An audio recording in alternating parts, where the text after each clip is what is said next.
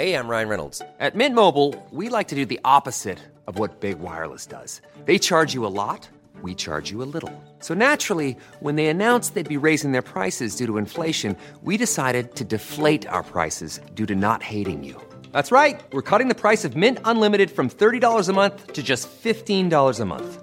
Give it a try at mintmobile.com slash switch. $45 upfront for three months plus taxes and fees. Promo rate for new customers for limited time. Unlimited more than 40 gigabytes per month. Slows. Full terms at mintmobile.com.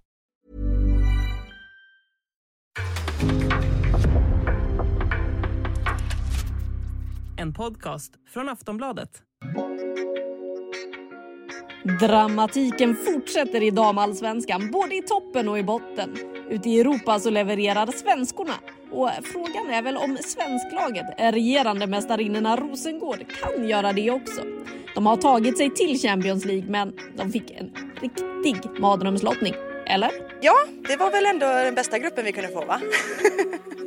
Nej, det är, det är lite skrattretande faktiskt att vi fick det värsta tänkbara. Så eh, joggingskorna kommer knytas på. Ja, och mitt i allt det här så finns det något som upprör såväl landslagsspelarna som experterna. Det handlar om matchen mellan Rosengård och Barcelona. Det, jag tycker det är katastrof. Det håller inte. Det liksom finns inga ursäkter nu och jag tycker bara så här lös det. Det, det, är min, det var min kommentar kring det. Bara det. Det finns inte på kartan att det ska ske bara. Just nu så är det ju landslagsuppehåll, så hur ska Sverige ställa upp mot Spanien och Frankrike? Våra experter får ta på sig förbundskaptenhatten och ja, det kommer en och annan skräll. Och ni hör ju att det som vanligt är ett fullspäckat avsnitt. Så vad väntar vi på? Nu sparkar vi igång.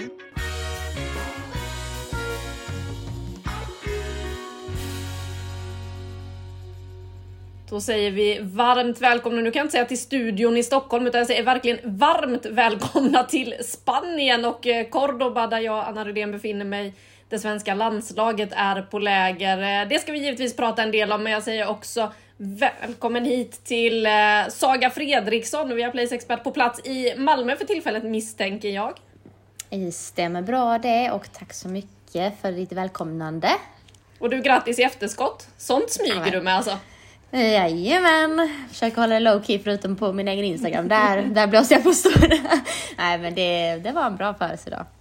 Härligt! Vi säger också välkommen till Per Lagerström eh, som befinner dig i Uppsala, eller? Ja, Uppsala idag. Tack så mycket. Det är inte Spanien, men eh, det är trots allt Uppsala. Ja, det är ändå fint. Eh, kanske inte riktigt lika varmt misstänker jag, för här Ja, jag blir varm bara av att titta ut genom fönstret. Eh, det är som varmast just nu när vi spelar in det här. Och eh, men vi ska väl inte dra ut på det för vi har väldigt mycket att snacka om. För ovanlighetens skull, är det någon som är förvånad? Nej, högst troligt inte om ni har lyssnat på något avsnitt tidigare.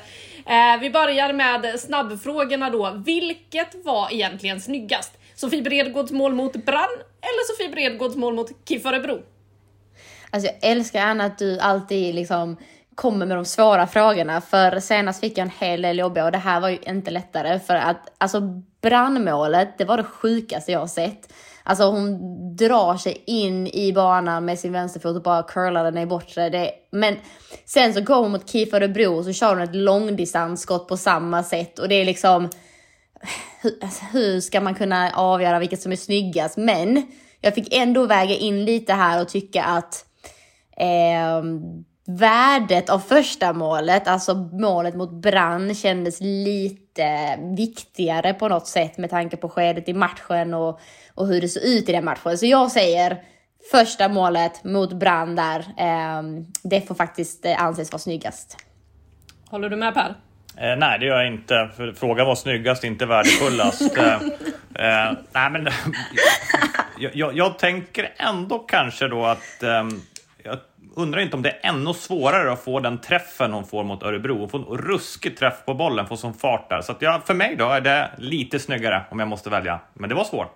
Nej, alltså det, nej Per, alltså förlåt, men om du slår till bollen från distans så är det bara att gå på kraft och tryck. Men ska du köra den curlen som hon har på, mot Brand, det är något helt annat. Så där, nej, för en gång skulle håller vi inte med varandra och det är väl kanske för väl.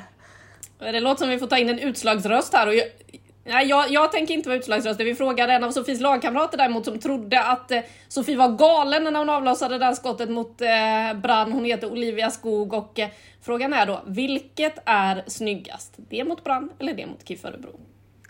snygg, om vi bara pratar snyggast så tycker jag det mot KIF Örebro. Men viktigast helt klart mot eh, Brann. Mm, Olivia Skog håller alltså med Per eh, att det mot KIF Örebro var snyggast, men som dig Saga, det var viktigare med det mot Brann, så att ja, alla får väl vara vinnare i det här. Härligt. Enkelt. Men utöver det då, vad är det snyggaste vi har sett i veckan? Jag tycker att det är lätt att glömma de här fantastiska skotten, men vad, vad mycket snart. Jag tittar på Kyra Cooney Cross mål mot Piteå. Det är, det är någonting utöver... Alltså den liksom, känslan. Det är alltså, alltså hon har ju hur bra koll som helst på vad målvakten är. Och ut, dels har hon blicken för spelet, den är många. Och sen utför den aktionen med den för den träffen på bollen, det är kanske ännu svårare att få den. Du måste få den över chippen in. Ja, det är ruskigt snyggt utfört i en liksom, kvalitativ fotbollsaktion när alla spelare är på plats. Så att, ja, den, jag är, det, det är ett fantastiskt mål. Den har jag faktiskt också skrivit upp, så det var ju för väl att vi har någonting här gemensamt här. Men jag kontrar ändå med eh, Hanna Sjödahls första mål i damallsvenskan eh, för Vittsjös del. Ung talang som eh, också har landslagserfarenhet bakom sig. Men eh, gjorde sitt första mål mot Umeå och eh, det var en riktig rökare, så det var kul att se. Mm, bra kandidater båda två, får man väl ändå säga. Vad förvånat er mest veckan som har gått då? Um, jag får väl ändå säga vilken otrolig utslagning det blir mellan Häcken, Linköping, Linköping, Häcken ska jag säga. Uh, jag hade inte förväntat mig att det drog iväg på det sättet, ska jag vara säga. Vi kommer tillbaka till den. Per, vad har du? Ja, men jag tänker lite grann på Kristianstads poängtapp.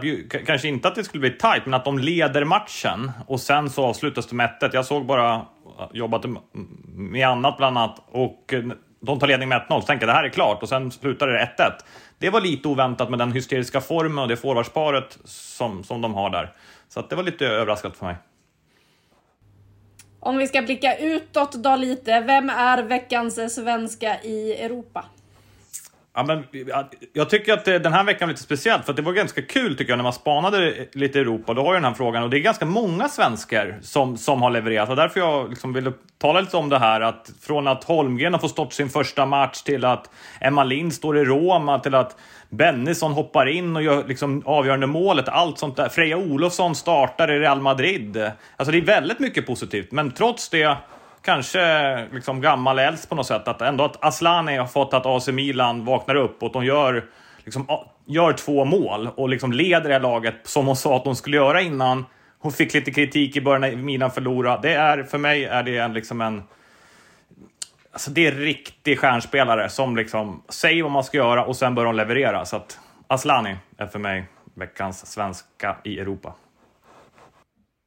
Man gillar ju det. Framför, alltså jag, man kan ju alltid spekulera. Det, jag tycker man likställer ju liksom både Zlatan och Asllani med varandra. För de har lite samma approach till saker när de pratar om sina prestationer. Och det är väl det som är så häftigt med båda två. Att det, det är sällan de inte lever upp till de förväntningarna. Så jag kan ju vara benägen att hålla med. Jag tycker det är eh, jag gillar ju det självförtroendet så länge man gör jobbet och så länge man hela tiden bevisar att man har, har det i sig. Och det, det får man väl verkligen understryka att eh, Asllani har. Mm, jag tycker det är härligt, eh, bland det första där du var inne på Per också, att Emma Holmgren faktiskt får stå i Lyon nu. Hon hade ju det lite turbulent i fjol när hon inte fick stå på grund av att hon inte då kunde kommunicera på planen enligt tränaren riktigt. Och vi får väl se nu, målvaktsfrågan lär väl vara någonting som diskuteras i landslaget nu också i och med att vi saknar Jennifer Falk på plats här i Cordoba. Vi får se hur Peter Gerhardsson tänker där och vi ska höra hur ni tänker också om en stund när vi går in på landslaget. Men tillbaka till Sverige igen. Eh, Saga, du var ju inne på den här Häcken-Linköping-matchen. I och med det, är guldstriden avgjord nu? Um, ja, alltså både ja och nej skulle jag säga. För tittar man på, eh, tittar man på deras spelschema så om man utgår från både Linköping, Rosengård, Kristianstad har jag tagit med i den här beräkningen. Jag ger dem alla vars sex givna poäng. Eller så här, jag, vad jag då antar att de skulle kunna ta till, alltså ganska, jag hatar att säga enkelt för det finns inga enkla matcher, men, men någonstans ändå där. Eh, men de matcherna som jag tycker blir mest intressanta är ju när till exempel Kristianstad ska möta både Rosengård och Linköping. Ro, eh, Rosengård ska då givetvis möta Kristianstad men också Eskilstuna. Och sen har vi Linköping som ska möta Piteå och Kristianstad. Så det är ju det är två, alltså, två lag för varje lag som har eh, risk eller chans kan man väl säga att svänga det här på ett sätt som gör att man inte kan helt förutspå vad slutet blir. Men samtidigt är det ju ett försprång för Rosengård så jag har svårt att säga att de släpper det. Men då har beräkning att de också ska spela Champions League så att om jag ska svara på din fråga så, eh, så säger jag väl nog ändå att jag tror eh, Rosengård klarar det. Eh, men samtidigt, allt kan hända och det handlar lite om hur Linköping och Kristianstad orkar formmässigt. För det är ju tuffa matcher såklart. Du garderar dig friskt Per.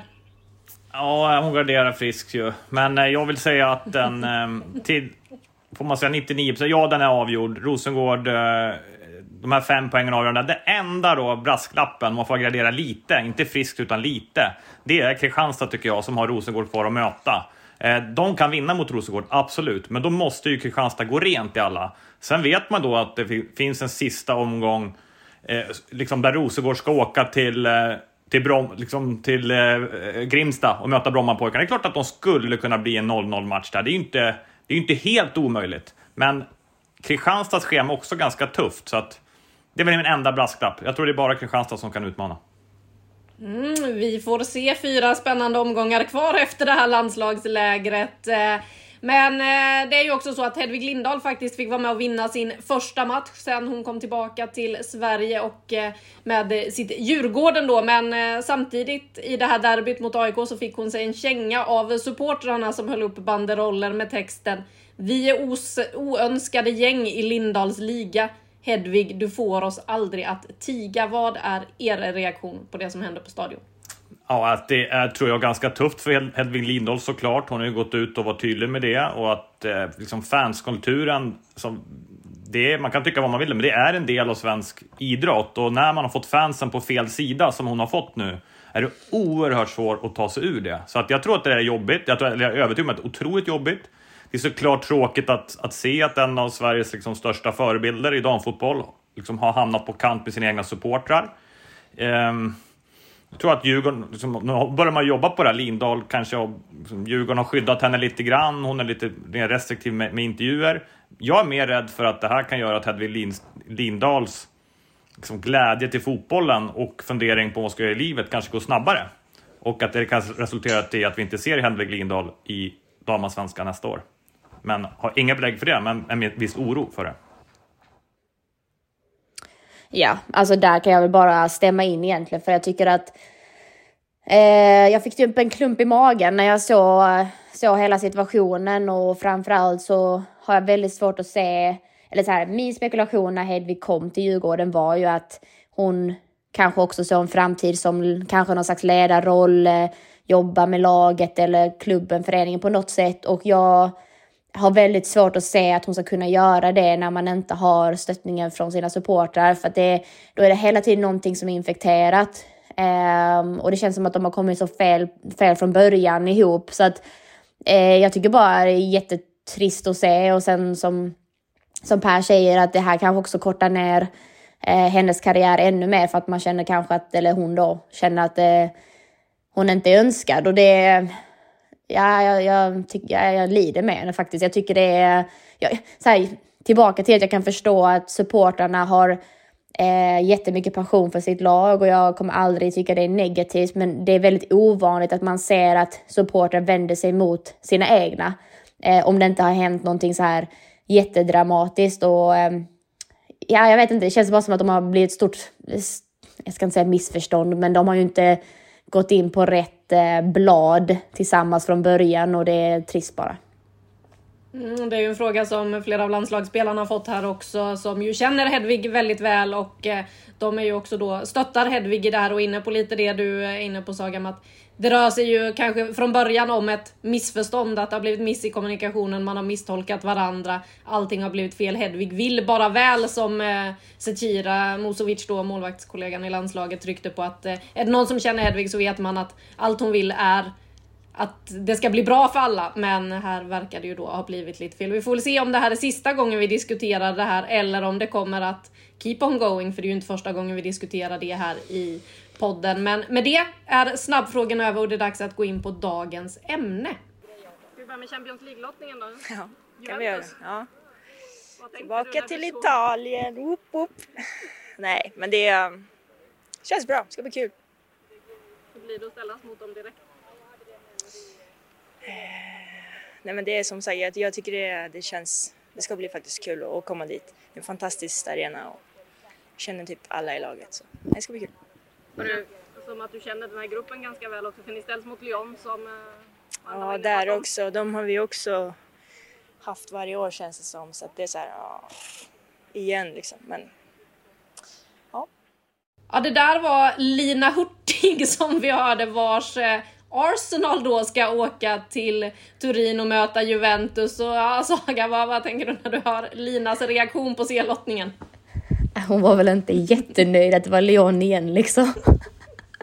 Alltså hon är så rolig tycker jag. Eh, nej men hon är väl charmig, eh, verkar ju också väldigt taggad på att åka till eh, Juventus där igen men eh, nej, hon är för skön bara. Eh, men det är ju en intressant eh, lottning på alla sätt och vis måste jag säga. Ja, Per, vad tänker du om den där gruppen och Lina som då får åka och möta både Lyon och Juventus igen och Juventus som får möta Lyon för typ 150 gången i Champions League. Så då går det inte att lotta något annat än Juventus mot Lyon. Ah, Man kan ju tro det, men jag tror hon kändes ganska avslappnad, eh, Hurtig, tycker jag ändå. Men, men med det sagt så är det där en riktigt, riktigt tuff grupp. Eh, Arsenal hade ju lite kämpigt även mot Ajax i playoffen här och att eh, den är inte given. Det är ju tre lag som, som jag tycker är upp. Juventus som har ju ambitioner att inte bara liksom gå vidare till gruppspelet utan ta sig vidare längre. Så att det, det där är ju ett riktigt getingbo bland de tre tycker jag. Så att det är en otroligt tuff grupp. Ja, det får man säga och det är ju många tuffa grupper i det här. Men om vi ska hålla oss till Sverige lite först, för vi har ju faktiskt Rosengård i det här gruppspelet som tog sig vidare då efter segern mot eh, Brann. Och eh, Saga, vad är din reaktion på den gruppen som Rosengård hamnade i? Åh gudars. Uh, eh, jag tänkte, shit vad kul, Barcelona kommer till Malmö tänkte jag. Uh, nej men alltså det är ju en helt uh, galen grupp som de har fått. Samtidigt är det rätt så mäktigt att se liksom, ett svenskt lag i den kombinationen, precis som Häcken förra, förra året såklart. Så att, ehm, Barcelona, Bayern München, Benfica, det... Eh, per sa att, att grupp C kändes lite som ett getingbo och det här, det här är ju minst lika, lika tufft här i grupp D såklart. Du Saga, innan vi släpper in Per här så är du ju inne på någonting. Vad kul att Barcelona kommer till Malmö. Undrar om Uefa också tycker det. Det är ju så att eh, de alltså har lagt eh, Rosengårds hemmamatch mot Barcelona samma dag som eh, Malmö FF spelar i Europa League. Alltså två Uefa turneringar där det är matcher i Malmö samma dag. Vi kan väl börja med att lyssna på vad, eller hur Olivia Skog eh, reagerar på när hon får höra att det är så det ligger till. Men nu när de kommer till Malmö så spelar Malmö FF samtidigt i Europa League. Uefa har alltså lagt Jaha. hemmamatch och Malmö FFs hemmamatch. Ja, det var ju trevliga nyheter. Som vanligt så krockar det och så blir det sämre för oss. Men eh, det går inte att ändra antar jag. Det, jag tycker det är katastrof. Eh, Det, det hjälper ju inte på traven att försöka få publik eller liksom locka till matcherna, speciellt när det är en sån stor match. Och för supportrar som kanske går på båda, alltså Malmö och damerna eller på hockeyn, så blir det ändå man får välja liksom. Så att det är inte optimalt alls. Eh, Och det är ju verkligen någonting som, som behöver bli mycket bättre. vilka tror du förlorar mest på det? Jag tror att är vi fotbollslagen som förlorar, vi damer som förlorar mest på det såklart. Om det blir en tävling om vem som får mest publik så folk går ju med till herrarna men vi behöver ju då den hjälpen att kunna eh, visa att vi också har match så att det inte krockar med en annan match liksom. Så att det blir vi som förlorar i det långa loppet. Ja, och sist där hörde vi Nathalie Björn, eh, numera i Everton, men har ju ett förflutet i Rosengård som är inne på att det här är katastrof. Per, eh, vad tänker du om att Uefa inte kan lägga matcherna som ska spelas i Malmö olika dagar? Jag, jag förväntar mig att Uefa kommer ändra det här faktiskt. För att det, jag tycker att det är självklart att liksom, två Europa-matcher i samma stad inte ska göra det. Och tar vi det bara någon månad tillbaka så spelar AIK och Djurgården Conference League på samma... Skulle spela samma veckodag i Stockholm. Det ändrades så att ena laget får börja borta på grund av den anledningen. Så, att, så jag hoppas att det här bara blir en lottning och, att, och så kom det så och sen nu kommer Uefa fått informationen så förväntar jag mig att man byter här. För det, liksom, det är fotboll och det är självklart att en stad inte ska arrangera två sådana Europamatcher samma dag för mig. Och Saga, de är inne på att det är damfotbollen som blir förlorare på det här. Du som håller till i Malmö, håller du med? Ja men det är klart. Det finns ju egentligen ingenting att orda om. Jag tycker att det är såklart så att, eh, att supporterna ska inte behöva välja eh, under en sån dag. Det är, alla vill gå och se de här matcherna. Så jag tycker det blir, det blir bara så problematiskt och det är så tröttsamt, ärligt talat, att det här händer gång på gång. Eh, jag, jag är otroligt trött personligen på att det hela tiden går ut över att, att damfotbollen åsidosätts för att, eh, alltså, eh, det håller inte. Det liksom finns inga ursäkter nu och jag tycker bara så här, lös det. Det, det, är min, det var min kommentar kring det. Bara det, det finns inte på kartan att det ska ske bara. Nej, vi får se om Uefa kliver in och eh, reder ut det här och kan se till att ändra den krocken. Eh, för det är klart att eh, Olivia Skog var inne lite på det här att ja, men Barcelona kanske kan dra lite extra besökare. Problemet är väl att en del av dem kanske redan då är på väg på MFFs match. Så ja, vi får väl se vad som händer där. Men Saga, du var ju också inne på att eh, den här gruppen är ju nästan identisk med den som Häcken fick i fjol. För att man får möta både Bayern München och Benfica. Skillnaden är då att vi byter ut Lyon som till slut vann eh, hela skiten i fjol mot Barcelona som var i final. Så ja, Per, kommer Rosengård att ta mer poäng än vad Häcken gjorde? Det får man ju ändå hoppas. Eh, även som du är inne på, det är ju ruskigt tufft. Liksom. Det är ju lika tufft som sist. Lyon-Barcelona, kanske Barcelona, även fast Lyon vann, är ett tuffare lag att möta med den bollkontrollen de har. Så att med, med det sagt så liksom, såg man redan i år att Häcken hade gjort sin häck läxa lite grann i Champions League. Inte på så sätt att de hotar PSG, men de spelade ett spel som gav dem själva chansen. Hade mycket väl kunnat bli oavgjort borta i Paris. Och jag hoppas att Rosengård har tittat på det där och vi har inte riktigt sett hur, liksom, hur, deras, hur de kan spela på ett alternativt sätt. För det är det jag tror de behöver göra. De har skickliga liksom, försvarsspelare. Kanske om de spelar lågt blir det här, liksom, de här backlinjen ännu bättre. Jag tänker liksom, eh, när de får sitta ihop framför dem, inte behöva öppnas upp. Det finns omställningsspelare, såklart Olivia Skog, men det finns också targetspelare högst upp. Mimmi Larsson kan springa själv, men man kan sitta in Sanders som ett uppspelspunkt. Så jag tycker det finns spännande ingredienser i laget, men jag tror att de måste anpassa väldigt, väldigt taktiskt och försöka ta någon poäng här och där. Och sen så när allting stämmer så kan man göra första målet, hålla nollan. Så att absolut att de är inte i närheten av att vara favoriter och gå vidare. Men jag tycker faktiskt och tror att de kan ta mer poäng än vad Häcken gjorde, som endast var en seger mot Benfica. På med löpskorna sa Olivia Skog, eh, Saga. De lär få springa mycket. Tror du att de har det i sig också, där, det taktiska spelet och kan anpassa sig till Europa? Ja men gud ja. Alltså, jag eh, tycker mig ändå se, sett det i damallsvenskan också, att man har spelat helt annorlunda mot Häcken. Man har spelat helt annat mot Linköping där man bara egentligen stänger och försöker kontra. Och det är den melodin som Rosengård behöver köra mot de här riktigt bra lagen. Så att jag tycker det har börjat bakas in i deras identitet det här året som jag...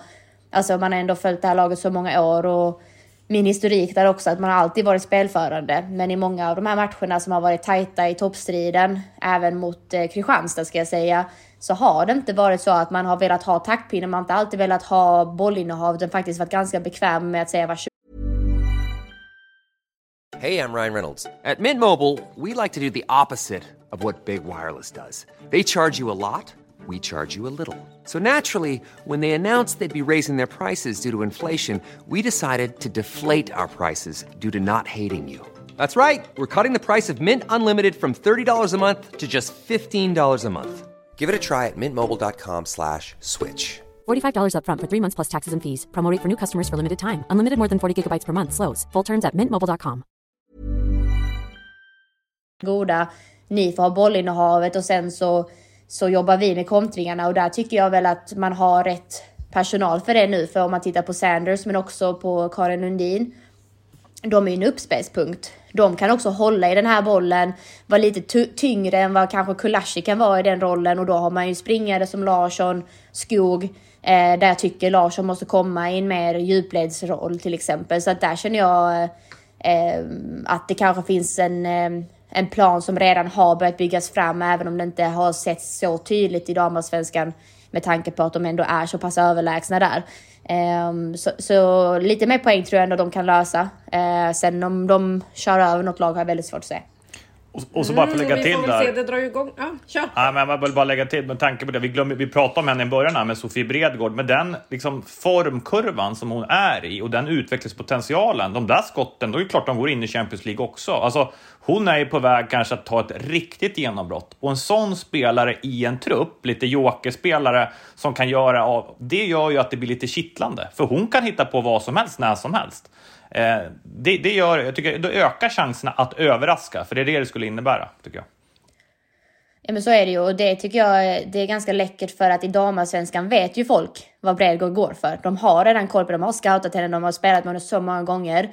Och ibland, ändå står vi ibland och kommenterar och säger men ni vet att hon ska bryta inåt, ni vet att hon skjuter med sin vänsterfot. Hon lyckas ändå i damallsvenskan. Så precis som Per säger, tänk då när vi ser henne i ehm, ett scenario där motståndaren inte har koll. Alltså det, det öppnar upp för henne att göra det hon är briljant på. Så det, ja, man längtar ju såklart till de här matcherna. Ja, det gör man. Och eh, för er som inte har läst om Sofie Bredgård och hennes eh, tuffa tid som hon ju faktiskt har gått igenom och ändå levererar på det här sättet kan ju gå in och göra det på Sportbladet. Eh, där förklarar de bland annat då målgesten efter drömmålet mot Brann när familjen fanns på plats och hur mycket de betyder för henne. Med det så lämnar vi då Rosengård och går in på, vi har ju pratat om hur otroligt tuffa de här grupperna är, så ja, vilken är egentligen dödens gruppsaga? Vilken är den allra, allra tuffaste? Um, jag stod väl mellan A och D. Ehm, jag ska ta fram de här. Grupp A är ju Chelsea, PSG, Real Madrid och... Åh herregud. Kom Hur igen! säger... Va? Hur säger jag det? Jag tror det är felstavat. Nej, jag tror att man säger väl Vlasnia ungefär. Zecira Musovic kunde inte heller uttala det här ska vi säga. Hon Alltså, sa det albanska lov. Alltså, laget åh. i den här gruppen. Så. Fan vad, Så- fan vad du- fint att vi har Zecira med oss i det här. För jag kände bara såhär, men hur säger jag detta? Okej, men, men eh, den känner jag spontant att har man Chelsea, PSG, framförallt Real Madrid i den, alltså de, de kommer ju tampas om de här poängen. Men sen får vi också säga att herregud, grupp D som Rosengård befinner sig i mot Barcelona, Bayern München, Benfica, det, det är en tuff, alltså det, det, de är brutala båda två. Så att eh, jag håller faktiskt de två grupperna högst om jag nu måste välja, för det vill ju ofta att jag ska göra. Och sluta, vad sa vi, täcka alla. Ja, inte helgardera dig här. Nej, jag vet, jag vet, okej. Ehm, ja, men jag säger grupp A. Det får väl ändå vara uh, dödens grupp då. Håller du med Per? Eh, nej, jag tycker grupp C är eh, faktiskt tuffare med eh, liksom... Grupp C? Ja, men Juventus, Arsenal, Lyon. Alltså att det är tre lag som alla kanske har räknat hem och går vidare i det. det kanske, jag vet inte om Real Madrid räknar hem det och jag vet inte om Rosengård räknar hem det. Därför tar jag grupp C, men även ett Zürich som jag tror inte kommer bli en slag... eh, De kommer inte gå vidare, men de kommer kunna ta poäng. Så att, för mig är grupp C eh, den tuffaste gruppen. Mm, Lina Hurtig kanske håller med. Det är oklart. Vi får väl se vad som händer i den där gruppen. Eh, Juventus var ju ett riktigt getingbo i fjol också eh, när man då mötte Wolfsburg och Chelsea och slog ut eh, Chelsea i den matchen. Men det är, ni har ju inte nämnt den gruppen som Wolfsburg befinner sig i nu överhuvudtaget. Grupp B. Per, är det så att det är en röd matta utrullad för Wolfsburg här rakt in i kvartsfinalen? Ja, det är det. Och det var ju här man satt och hoppades att Rosengård tänkte att byta ut Sant Pölten mot Rosengård här. De har haft världens chanser åt svensk lag som... som då, då skulle jag säga att Rosengård hade... Även Slavia Prag är högt rankade, men Rosengård har varit favoriter och gått vidare. Så där hade vi väl haft Rosengård. Wolfsburg, ja de kan bara förbereda sig för, eh, för slutspel i Champions League. Det är ingen snack om det. Håller du med Saga? Ja, absolut. Alltså verkligen, bara skriver under på det Per säger. Det är enkelt när ni är överens. Vi kan väl höra om eh, Wolfsburgs svenska Rebecka Blomqvist eh, håller med också, eller vad hon säger efter den här Champions League-lottningen. Ja men det är klart på förhand om man tittar på alla lag och sådär så, så är det ju egentligen så av de 16 lagen som är med så är det ju 16 bra lag. Sen är det klart att man kan sia om det och det men eh, jag tror att det, det kommer bli tufft och det är tre lag som kommer stå upp, stå upp bra på, på eh, olika sätt tror jag. Så att det, mm, ja, det blir spännande men eh, såklart vi, vi känner att vi eh, ska, ska gå till en kvartsfinal absolut. Om du jämför den här med den gruppen ni hamnade i i fjol, vad, säger du då? Ja, nej men det är klart, det var ju tuffast möjliga förra året där och det blev, vi alla slutade på 11 poäng till slut också så det visar väl hur, hur tuff den gruppen var. Ehm, sen, det är ju som så, man, man vet ju aldrig heller men eh, vi hoppas såklart att, det, att vi går vidare i år också. Ja, de ska ju bara till kvartsfinal helt enkelt. Wolfsburg som ju gick till semifinal i fjol, där fick se sig besegrade av Barcelona, mycket tack vare då eh, segern på Camp Nou för Barcelonas del. Det var ju faktiskt så att Wolfsburg vann eh, returen i det där semifinalmötet. Eh, något så ovanligt som att Barcelona förlorade i fjol, det var ju där och i finalen som det skedde. Eh, men eh, om vi ska avsluta det här Champions League-snacket då med vilka tar sig vidare? Vi tar grupp för grupp och på grupp A så får du börja Saga. I den gruppen har vi alltså Chelsea, Paris, Real Madrid och Vlasnia. Eh, jag tror PSG Chelsea. Säger du emot Per? Nej, det gör jag inte. Håller med. Mm, grupp B då? Ja, men det är Wolfsburg. Jag får väl... och Jag tror ändå Slavia Prav, tjeckisk fotboll, de är ganska bra tycker jag. Så att det, är, och det, är de två, det är lätt att säga de mest rankade lagen, men jag tror att det blir de två um, som går vidare. Och jag håller med. Härligt. Eh, grupp C då? Lyon, Arsenal, Juventus och Zürich. Då tror jag Lyon och Arsenal. Ja, det håller jag med Saga om. Tror kanske, kanske inte Sembrant... Det skulle kul att höra. Annars brukar landslagsspelaren hålla med oss här, men jag vet inte vad Sembrant skulle säga om det där eller Nildén. Men eh, jag har väldigt svårt att se att Lyon skulle missa det här. Arsenal... Eh, eh, det kommer att stå mellan Arsenal och Juventus, men jag håller helt med. Jag tror Arsenal kommer klara det här. Och de bör klara det. Jag tycker att de har bättre trupp än Juventus, spelare för spelare. Mm, vi får väl se. Grupp D då, kan det bli en skräll i den gruppen eller går det att säga något annat än att Barcelona och Bayern tar sig vidare? Nej, det blir ingen skräll. Det blir Barcelona Bayern München. och för jag skrattar, jag vill inte att det ska vara så. Jag vill att Rosengård ska klara det, men alltså det, det vore helt absurt, ärligt talat, om de inte lyckas lösa det, eh, enligt mig. Ja, Olivia Skog var inne på att det var en skrattretande lottning eh, när hon såg det här, så att eh, ja, vi får väl se. Det drar ju igång här i oktober och vi ser fram emot de här matcherna. Det blir ju många bra matcher att eh, se under det här gruppspelet. Med det så lämnar vi Champions League. Vi tar oss till Sverige och damallsvenskan för hemma i Sverige så pågår ju just nu kampen om att få någon av de där kvalplatserna till Champions League nästa säsong. Sverige har tre platser och eh, vi kan väl börja med att lyssna på Häckens Filippa Kurmark. Eh, ja, men sett till våren så är vi absolut inte nöjda. Eh, I höst nu har vi haft som mål att ta de här, den här sista Champions League-platsen. Eh, Etta, eller två eller tre då. Och det är fortfarande målet och nu har vi fyra matcher kvar och, och går vi rent de matcherna så ser jag ingen anledning till att vi inte kommer klara det. Så jag tror stenhårt på oss. Mm, ganska så nöjd i helgen för nu så har ju Häcken faktiskt blandat sig i kampen om Champions League-platserna på riktigt igen. Gänget från Hisingen verkar dessutom trivas väldigt, väldigt bra i Linköping. Det tog inte lång tid för dem att påpeka att eh, Ja hörni, bara så ni vet så vann vi ju här med 7-0 här om året. Det var där de säkrade SM-guldet. De vann med 3-0 i fjol. Nu blev det 5-1. Men den här gången är ju Linköping verkligen ett topplag som hade någonting att spela för. 7-0 segern där när Göteborg säkrade guldet som de ju då var. Då hade Linköping inget att spela för. Saga, vad var det som hände i Linköping egentligen? Alltså jag ärligt talat har aldrig sett eh, Linköping vara så tafatta som de var den här matchen. Alltså det här året ska jag säga då. Ehm, det som hände var egentligen att eh, Häcken spelade precis som de egentligen gjorde på hemmaplan, att man var lite mer selektiva när man valde att gå. Man kontrade mer, man var otroligt disciplinerade i försvarsspelet och där tycker jag både Kurmark och Rubensson gör ett jättejobb. Um, man kan ju lite spekulera innan matchen att, att eh, Häcken skulle ha problem med med wingbacksen i Linköping, Selerud, Lennartsson. Men, men problematiken var att de låg så högt så att både Sandberg och, och Vik, ytterbackarna i Häcken, gick ju bara ut och stängde dem direkt. Och så handlade det bara om att stänga kanterna och, och det löste inte Linköping. Så att jag tyckte att de liksom reagerade för sent på den taktiken som Häcken kom in med och eh, utnyttja kanske inte heller ytorna tidigt nog utan var lite tafatta som sagt. Så att jag, jag sa det tidigare, jätteförvånad över hur de hanterar den här matchen och eh, tempofattigt var det från Linköpings del. Så det, det bådar inte jättegott i deras slut, sluttamp.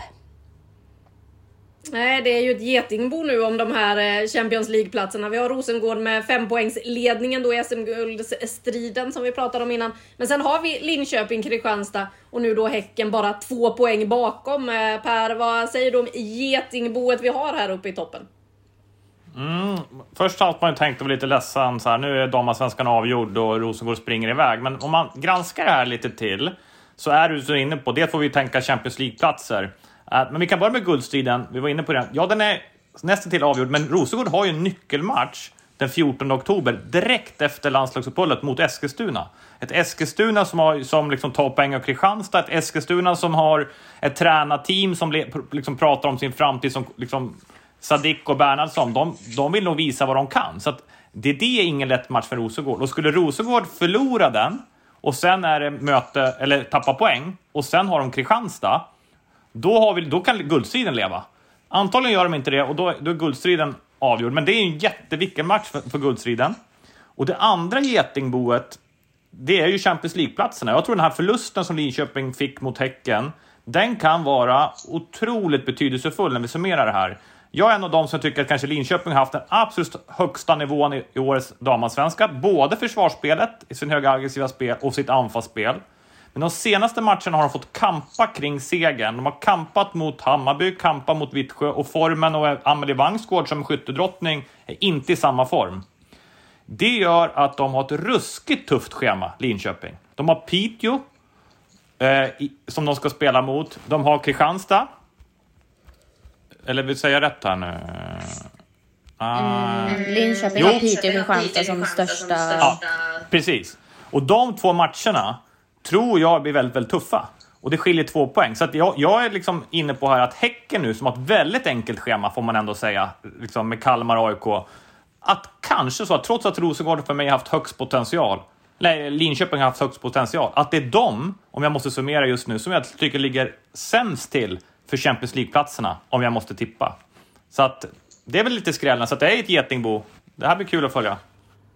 Ja, jag tvingar ju alltid att tippa så att eh, det måste du absolut. Jag uppskattar att du gör det. Saga, håller du med? Eller eh, vilka tre lag kommer skrivas ner på de där små lapparna och läggas i bollar i Schweiz så småningom för en lottning till ett CL-kval? Oh, jag hatar verkligen att tippa. Alltså det är typ det värsta jag vet. Men, men eh, oh.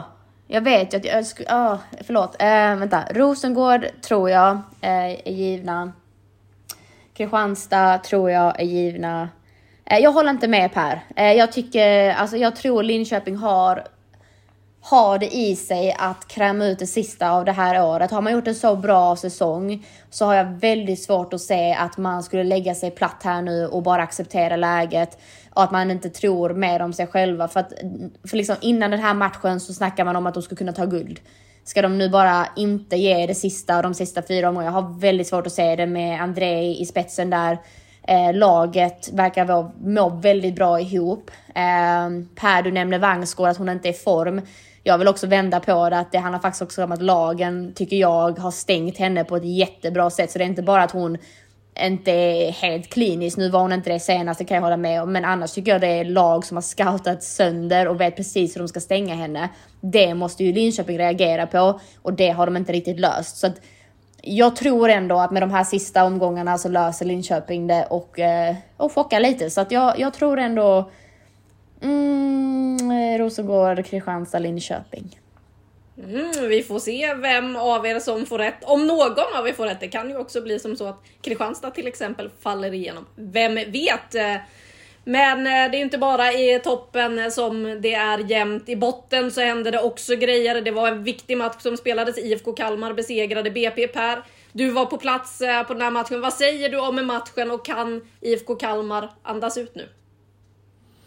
Om vi börjar med matchen så måste jag säga att jag är väldigt imponerad av båda lagen, vilket skickar signaler till, liksom, till bottenstriden. Det är två lag som vet att det här är en oerhört viktig match, det kan vara avgörande poäng. Och båda lagen går in med, jag brukar säga, som känslan att vinna är större än rädslan att förlora. Så upplever jag matchen. Otroligt offensivt inriktade, går för tre poäng. Kalmar, offensiv formation, liksom en trebackslinje, pressar högt inledningsvis, BP spelar sitt spel. Så det, det i sig, jag tycker det är väldigt bra första, framförallt den första halvlek. Högkvalitativ match för att vara en bottenlag. En av de bästa bottenmötena jag har sett i år. Så att, däremot så fick Kalmar utdelning. Kanske lite grann för att de har något mer spets. Amanda Perssons vänsterfot flyger in ett inlägg och sen slår hon en fantastisk hörna. Och BP's problem är att de inte har svårt att liksom få bollinnehavet till klara målchanser. Den, den problematiken fanns ju kvar till forceringsfasen. Så att, ja, de här poängen tror jag räcker för Kalmar. Absolut. Um, sen om det, men för BP tycker jag ändå, om jag ska jämföra hela matchen, så tycker jag nästan att BP har lite bättre... Alltså som allround är de jämnare. De, de har ett eget spel, de släpper inte många målchanser. Kalmar dödar ju den här matchen med att göra mål. Sen i andra halvlek, när BP forcerar, då har Kalmar jätteproblem att stå emot. Och när BP's forcering kommer, med Barsley på topp, Matilda Prakt på topp, då helt plötsligt skapar de målchanser. Så att... Nej, Kalmar klara, eh, vill jag påstå. Eh, sen tycker jag BP då ändå tänkte så här, det här är kört. Nej, det är inte kört. Jag tycker de ligger bra till, för de har ett spel, men de måste börja hitta sätt att göra mål. De måste använda landslagsuppehållet för att kanske våga ta någon till trepoängare. Ja, samtidigt som den här matchen så åkte ju då AIK och Umeå på tunga förluster. Eh, det fortsätter att vara otroligt jämnt där nere. Hur slutar det här Saga? Nu får du tippa igen. Jag vet att du älskar mig som allra, allra mest just nu. Eh, nej, men jag tror Kalmar klarar sig utan att behöva kvala. Jag tror de vinner mot AIK i slutskedet. Eh, däremot BP eh, kommer kunna... Jag tittar utifrån vilka tre poängar de skulle kunna ta det i så fall mot Umeå. Eh, men Umeå är inte att räkna bort samtidigt. Men jag, jag tror att AIK och Umeå ligger riktigt risigt till. Det är BP som kommer kvala och eh, Kalmar är säkra till nästa år. Det tror jag. Mm, det var ju också så att eh, det inte bara var Hedvig Lindahl som vi var inne på i början och Djurgården som fick rubriker efter derbyt i söndags. Eh, AIK hamnade ju också i fokus när Nebojsa Novakovic som ju är inplockad för att vara tränare under matcher inte var där på ett derby. Han hade fått ledigt på grund av att eh, det var ett bröllop på lördagen. Eh, per, vad, vad tänker du om att eh, Novakovic inte är på plats under en så viktig match som det är för AIK i det läget man är i tabellen? Ja, men det, det är ju så. Jag har ju ingen aning liksom vilka eh, mer skäl än de som stått i media. Det kanske finns jättemånga skäl, så man ska vara försiktig med det. Men om man bortser från det så är det klart att en sån ikon som Nebojsa Novakovic och hans roll att vara matchcoach och AIKs position, så brukar man påstå att eh, man vill ha alla personer som helst kan stötta ska sluta samman. Av den anledningen tycker jag att det är givet att man, jag skulle gjort allt i mitt, min makt att eh, vara på plats om, om det hade funkat. Allt från alla tränare såklart, styrelsepersoner, ordförande, klubbledning för att visa liksom, att man står upp som en förening. Så att, det gör att det, det är klart att eh, det måste vara olyckligt för, för spelarna. Sen kan det vara kommunicerat lika, jag säger inte att det är matchavgörande, men nej, man, som förening måste man gå ihop. Eh, viktigt. Saga, blir du förvånad över det här att eh, han inte finns på plats under en så viktig match? Dessutom ett Stockholmsderby. Vi har varit inne på vad rivaliteten betyder eh, uppe i Stockholm mellan storstadsklubbarna. Nej, men nej, såklart. Att eh, man utgår ifrån att eh, han har eh, gjort vad han har kunnat för att vara där och eh, jag tycker ju att eh, han bör vara på plats men som sagt jag vet inte anledningarna mer som sagt än det som har stått och därav kan jag inte spekulera eller ha en åsikt utan tycker väl bara så här precis som Per är inne på du får ju i de här viktiga skedena i ett sånt viktigt möte så utgår man ju från att det finns ett genuint intresse från alla parter att vara där. Och med det sagt så vet jag ju som sagt inte hans, eh, oss, eller hans eh, anledningar och får väl passa mig för vad jag säger. Ja, nej, det som eh, jag reagerar på också i Fotbollskanalens eh, artikel här, det är ju att eh, han var på plats på matchen eh, som herrarna spelade mot Sirius istället. Han fanns inte på plats då på stadion och att Adelisa Grabus säger till Fotbollskanalen att de inte fick någon riktig anledning till varför han inte var med. Men han hade uppenbarligen någon anledning. Just det där reagerar jag på, att spelarna vet faktiskt inte varför han saknas eh, det kanske borde kommuniceras. Absolut, det är väl kanske med, med den informationen så förstår jag ju frustrationen från spelarna för det är ju Eh, alltså det känns ju som en signal att man inte bryr sig. Eh, eller så hade jag känt om man sen piper iväg till herrarnas match. Sen vet man ju inte om det där bröllopet skedde under matchen. I don't know. Men jag tycker det känns jättekonstigt om man inte är tydlig med sina egna spelare. Då har de ju misslyckats någonstans på vägen i kommunikationen.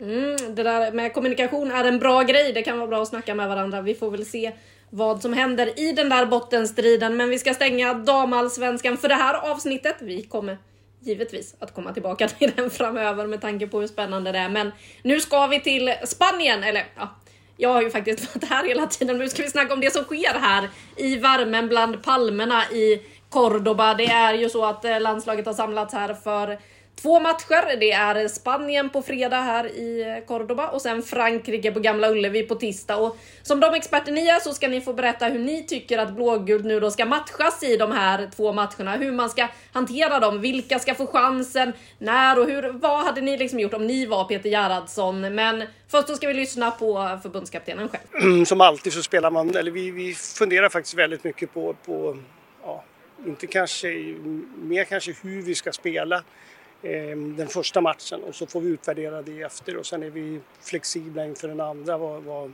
vad vi väljer för någonting. Men det, kom, det kommer troligtvis inte bli samma startelv i båda matcherna men å andra sidan blir det inte helt nya startelver heller så att någonstans där om, det, om vi spelar första matchen, och kollar på prestationerna där och vad vi vill titta på till nästa. Men några nya spelare blir till Frankrike-matchen som inte startar mot Spanien så, så blir det säkert. Vad vill du ha för svar den här samlingen? Jag vill alltid vinna matcher. Jag vill alltid ska se perfekt ut. Vi, vi, det, det är liksom mycket detaljer, men jag tycker liksom att det vi pratade om efter EM och det på, påbörjade på träning, liksom det här med eh, mod. Mm, att en mot en situationer, att våga dribbla, att våga liksom slå sin motståndare. Det, det tror jag liksom att eh Eh, är en väg liksom att, att bli ännu bättre. Ehm, så att det hoppas jag också som ett moment i spelet att vi ska få se. Och naturligtvis också mot, mot Spanien som är i de här två landskamperna, Spanien är väldigt passningsskickliga och där eh, kan vi försvarsmässigt vinna på dem om de spelar in på felvända korta passningar och sånt och där ska vi vara aggressiva och bra. Så att där kan vi träna på det försvarsspelet. Mot Frankrike så får vi ju säkert mycket en mot en stationer med fart och allting så att vi får träna på det. Så jag, jag tror vårt försvarsspel kommer att ställas på lite olika liksom, eh, ja, krav när det gäller Spanien och Frankrike. Så på så sätt två bra matcher med två lite olika motståndare. Mm, Peter Gerhardsson där alltså. Saga, om du får börja nu då med Spanien-matchen. Ett Spanien som dessutom är kraftigt decimerat med tanke på att 15 spelare har tackat nej. Förbundet inte kommer välkomna dem tillbaka för de har bett om ursäkt. Ja, ni som lyssnade förra veckan vet ju vad det är vi pratar om. Den här soppan som just nu är i spansk fotboll. Har ni inte hört det så rekommenderar jag att gå in och lyssna på det avsnittet. För nu så ska vi fokusera på det sportsliga och eh, Sverige har ju starkast möjliga trupp här om man bortser från Jennifer Falk som har valt att tacka nej. Hon är hemma med tanke på att man väntar barn i familjen. Det kommer ett eh, litet tillskott till familjen Falk eh, i oktober och så har vi då långtidsskadade Hanna Glas. Så Saga, vi tog lång väg hit, men vilka vill du se i en elva mot Spanien och vilken formation ska man köra? Ja, men, men jag tycker det var intressant så som, som Gerhardsson resonerar kring eh, just det här hur Spanien spelar. Det är mycket bollar in precis framför backlinjen där det är felvända spelare och därav har jag valt vissa spelartyper för det. Eh, de spelar också en 4-3-3 för det mesta i Spanien, vilket också innebär att det finns en yta för våra spelare precis framför, mitt, eh, framför eh, backlinjen. Och därav har jag valt lite spelare för det. Eh, så att without further ado så kommer jag fortsätta med 3-5-2, men jag har ändrat om vilt skulle jag vilja säga. Um, så att, nej, jag, jag kryddar som vanligt. Men, eh, nej, men jag ställer upp med Zecira i mål. Tycker att hon eh, får chansen här nu när Falk uteblir.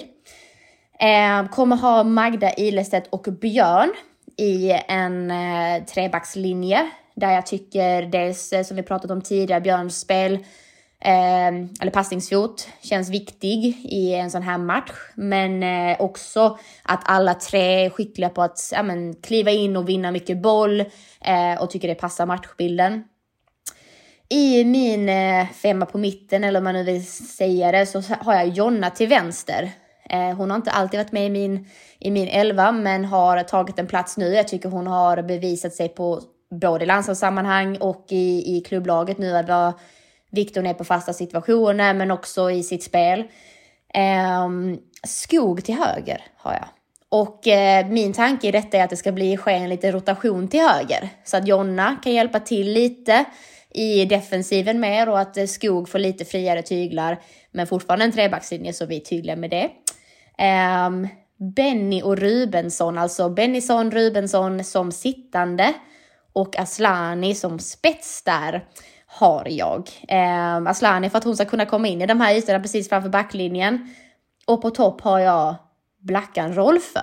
Rolfö ska alltså då inte vara anfallare, utan hon ska ha en ganska fri roll på vänsterkanten med tanke på rotationen som kommer ske till höger. Så ni hör hur mycket jag har tänkt på det här, men eh, Rolfö ska jag, jag tycker att i, i, i EM så kändes hon lite, jag ska inte säga passiv, det känns som hon fastnar lite i mitten. Och nu med den här rotationen tänker jag att hon får kanten till sin förfogande, men hon kan också ta upp den här lite mer kreativa rollen framför backlinjen och Blacken kan dra ner djupled som hon är bra på. Så att eh, hängde ni med på den? Där har ni min elva. Jag gillar hur du tänker och hur mycket du har analyserat det här ändå. Per, vad är dina reaktioner på Sagas elva? Håller du med eller vad, vad tänker du? Var väldigt inte. Jag sitter och funderar på, hon har ju tänkt till ordentligt här. eh, det här är ju framtida förbundskaptensmaterial känner jag spontant. Nej men jag... Eh, eh, jag, jag, tycker nog, först, jag, jag tänker att man ska nog jobba med en formation under liksom samlingen. För att, eh, för, först är det lätt så här, här, nu spelar en fyrbackslinje den matchen, spelar en trebackslinje den matchen. Det tror jag kan bli lite hattigt. Däremot kanske, så att jag, jag, jag ritade också upp med tanke på hur, liksom, hur laget ser ut just nu, än faktiskt en trebackslinje. Eh, och, och en 3-5-2 kan jag också tycka är rimligt utifrån vilka spelare man har tillgängliga just nu. Så att, och då tycker jag vi kan bygga vidare på den. Sen kan man ju fundera att i matcherna kanske så här, ha en plan för hur ska du stänga en match om du leder? Och ska du spela, liksom, går du ner på fem eller går du ner på fyra backlinjen? Så att du, har, du, du tränar på, som jag sagt förut, trä, tänk att det här är en kvartsfinal i, i ett VM. Och, och, så kan du träna på att stänga match eller träna på att forcera en match oavsett resultatet. Jag skulle vilja se att det här är, så här ska Sverige spela för att ta sig vidare i VM. Men då tror jag, tycker jag däremot att man ska fortsätta med en 3-5-2, även fast inte Saga sagt det så jag ritar upp det. Jag tycker nog också Musovic ska spela.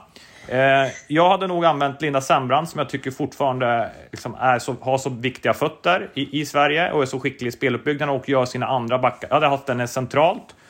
Och så hade jag haft Magda till vänster och eh, Björn till höger som sköter mycket av liksom, uppspelen i trebackslinjen. Sen hade jag använt Rolfe som, eh, som wingback till vänster. Och eh, hade ändå velat testa Rytting Kaneryd mot det här motståndet som man vet att de klarar. Så får svaret, klarar hon den defensiva balansen? Klarar Sverige två offensiva spelare? Jag tycker det är helt rätt tänkt med John Andersson. Hade, jag, hade det här varit en kvartsfinal i VM så hade jag nog spelat John Andersson eh, givet för att det hade varit tryggt. Jag vill få svaren här på, på, på som Rolfö och, och Rytting mot de här. Jag tycker också fortfarande att eh, Angeldal, fast hon inte får spela, är så viktig för Sveriges anfallsspel så jag hade behållit den i mitten. Jag hade satt in Elin Rubensson med tanke på hennes arbetskapacitet och form som jag såg mot PSG centralt bredvid henne. Aslan i samma tror position som Saga är inne på. Och då blir det Blackstenius och Hurtig. Då får man även in en Hurtig på topp för att jobba med henne. Sen får man säga hur, liksom, kanske lite mer central forward och hitta olika, liksom, en dynamik med Blackstenius. Så att där har ni min elva, men det går, jag tycker de här funkar. Den kan väl vara mot Frankrike, kan väl Saga, Saga få köra sig in mot Spanien och så har man någon liknande formation. Hon har lite mer rotationer. Jag, jag tänker mer på, på, jag vill ha lite svar om spelarna håller mot det här. Och Frankrike kommer du verkligen få svar på då, um, på det. Ja, för mot det här Spanien, det är ju som vi var inne på, liksom inte det Spanien vi kanske hade önskat oss att få se med tanke på att vi saknar alla Barcelona-stjärnor. Ehm, det hade blivit en helt annan värdemätare än vad det ju faktiskt kommer bli nu. Eh, det får vi väl säga, även om Peter Gerhardsson och spelarna här inne på att ja, men alla är så himla bra ändå. De har så mycket bra spelare och där. Det är klart att de har, men det här är ett väldigt, väldigt mycket sämre Spanien än vad det hade kunnat vara om de hade haft med alla stjärnorna. Så Frankrike blir ju något annat, men eh, ni har båda Björn i backlinjen här. Det är ju lite intressant att eh, kommunikationen mellan klubblag och landslag här, den verkar liksom ha lite fördröjning när det kommer till Nathalie Björn. För numera spelar hon ju då på, eh, i det sittande mittfältet i Everton. Eh, och det går ganska bra för Nathalie Björn. Men hon själv är väldigt inne på att eh, jag är här som back den här samlingen. Så att vi får nog se henne i den där backlinjen. Vad, vad tänker ni om, Saga om du tänker om Frankrike-matchen här då? Liksom, vad hade du gjort förändringar till den och hur tycker du att Peter ska tänka där? Ehm, med tanke på att Frankrike är så skickliga mot en, precis som han också säger. Och, alltså, ja, ni har ju redan hört mig ö, liksom, överösa Frankrikes spelare med, med eh, superlativ, hur bra de är och skickliga de är mot en. Så att där krävs ju också att vi matchar mot det. Um, jag tror vi behöver vara lite mer defensiva i tänket mot, mot Frankrike.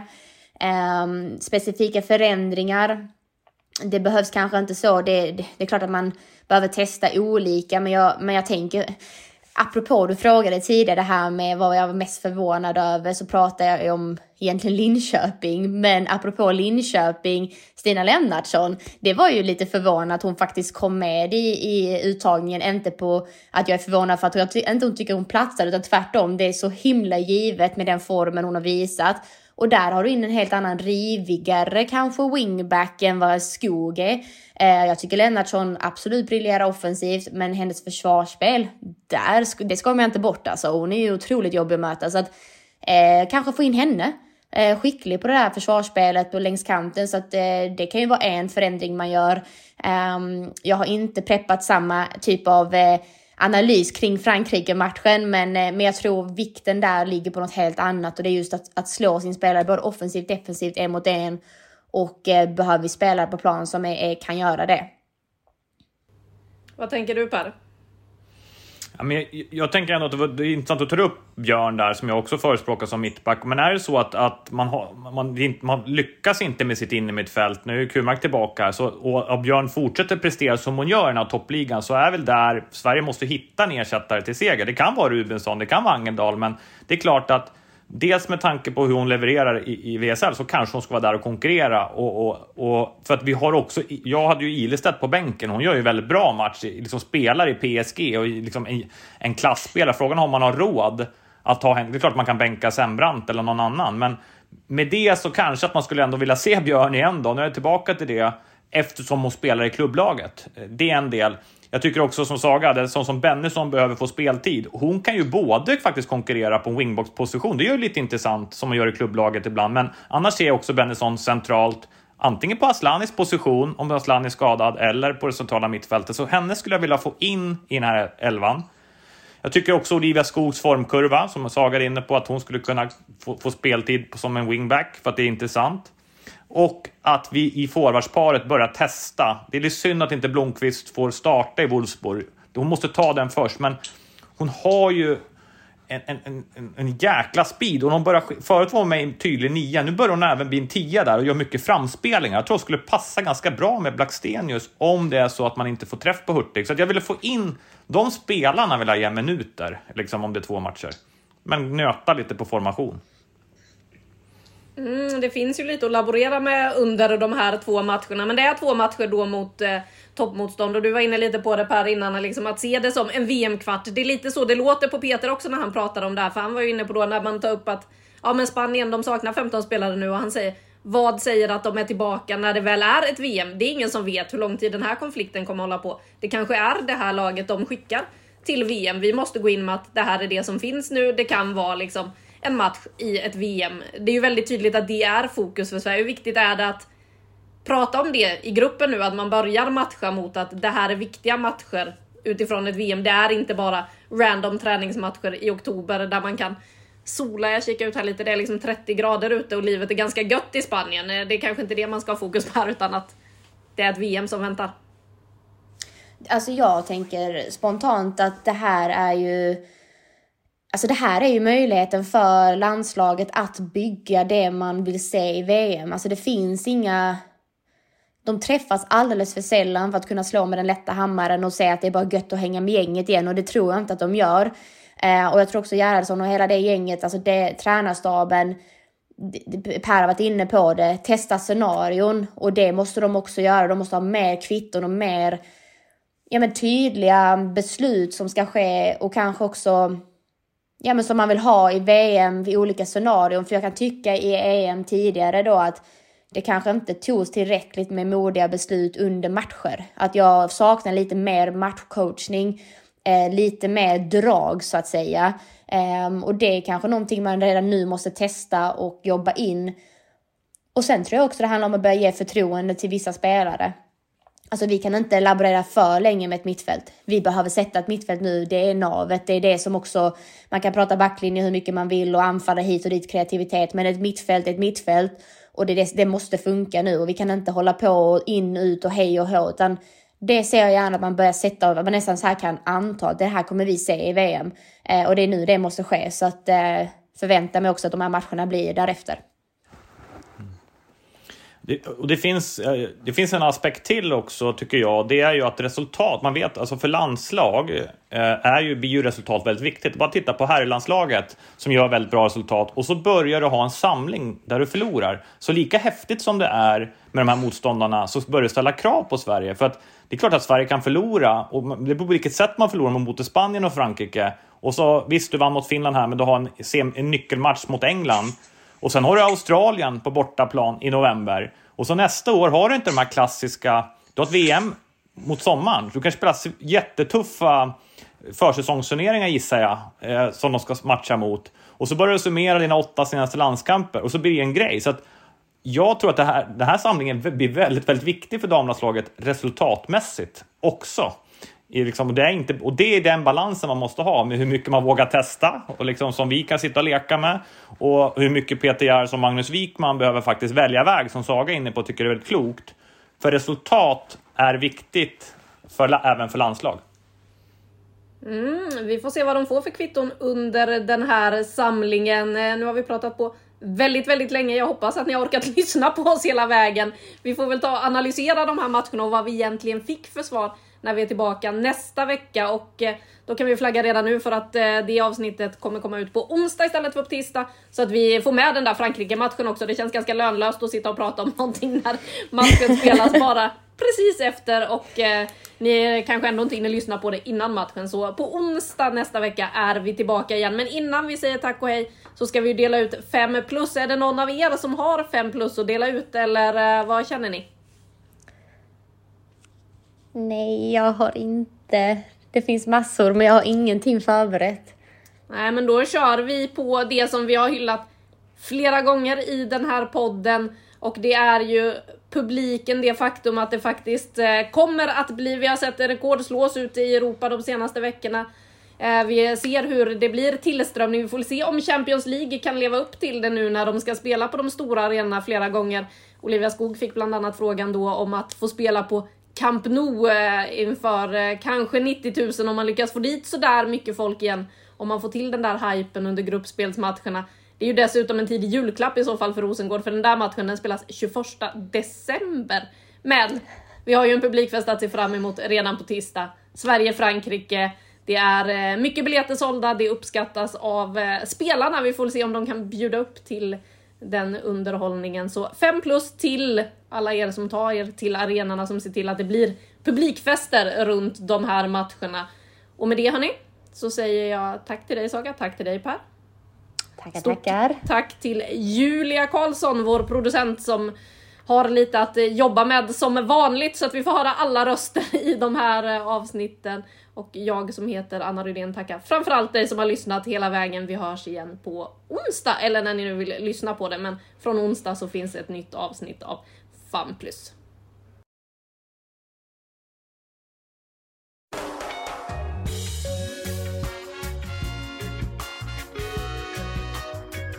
Du har lyssnat på en podcast från Aftonbladet.